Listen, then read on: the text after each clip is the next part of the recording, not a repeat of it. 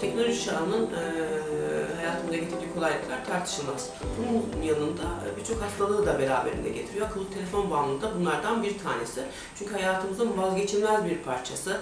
E, Birçok uygulama var, banka, e, bankayla ilişkili işlerimize, birçok iş, işimizle ilişkili e, durumları cep telefonu üzerinden e, yürütüyoruz. Dolayısıyla da e, çok kullandığımız bir nesne beyin zaman bağımlılık nesnesine dönüşebiliyor. Akıllı telefon bağımlılığında da bu söz konusu. Çünkü bu kişiler e, planladıklarından çok daha fazla akıllı telefonla e, uğraşıyorlar. E, zaman e, kavramını kaybederek birçok işlevsellikleri bozuluyor.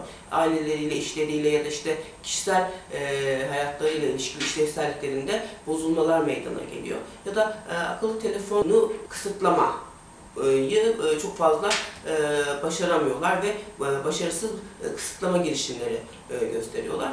E, Tolerans ve yoksunluk gelişiyor. E, ce- Akıllı ulaşamadıkları zaman e, huzursuzluk yaşıyorlar, sıkıntı yaşıyorlar.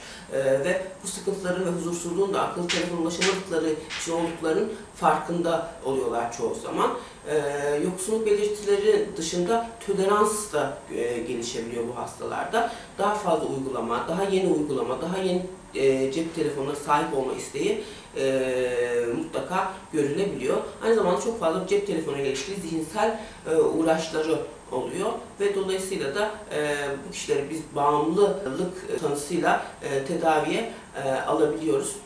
Bununla ilişkili çeşitli ölçekler geliştirilmiş. Mesela akıllı telefon bağımlılık ölçeği ya da akıllı telefon kullanım ölçekleri geliştirilmiş. Bunlarla ilişkili e, değerlendirme yapıp bu hastalarda e, bir tedavi e, protokolü oluşturabiliyoruz. E, Bununla ilişkili şu kadar sürede şu kadar süre cep telefonuyla zaman geçirmeliyiz ya da cep telefonuyla şu kadar süre işlerimizi yürütmeliyiz diye bir süre be- e, sınırı yoktur. Oradaki asıl e, önemli olan işlevselliği bozmaması. Zaman kavramının e, yitirile- yitirilecek düzeyde kullanım olmaması ya da ona yani cep telefonuna ulaşamadığı zaman e, bireyin sıkıntıya girmemesi e, gibi çeşitli belirtilerin e, olmaması e, daha e, belirleyici olur bizim için.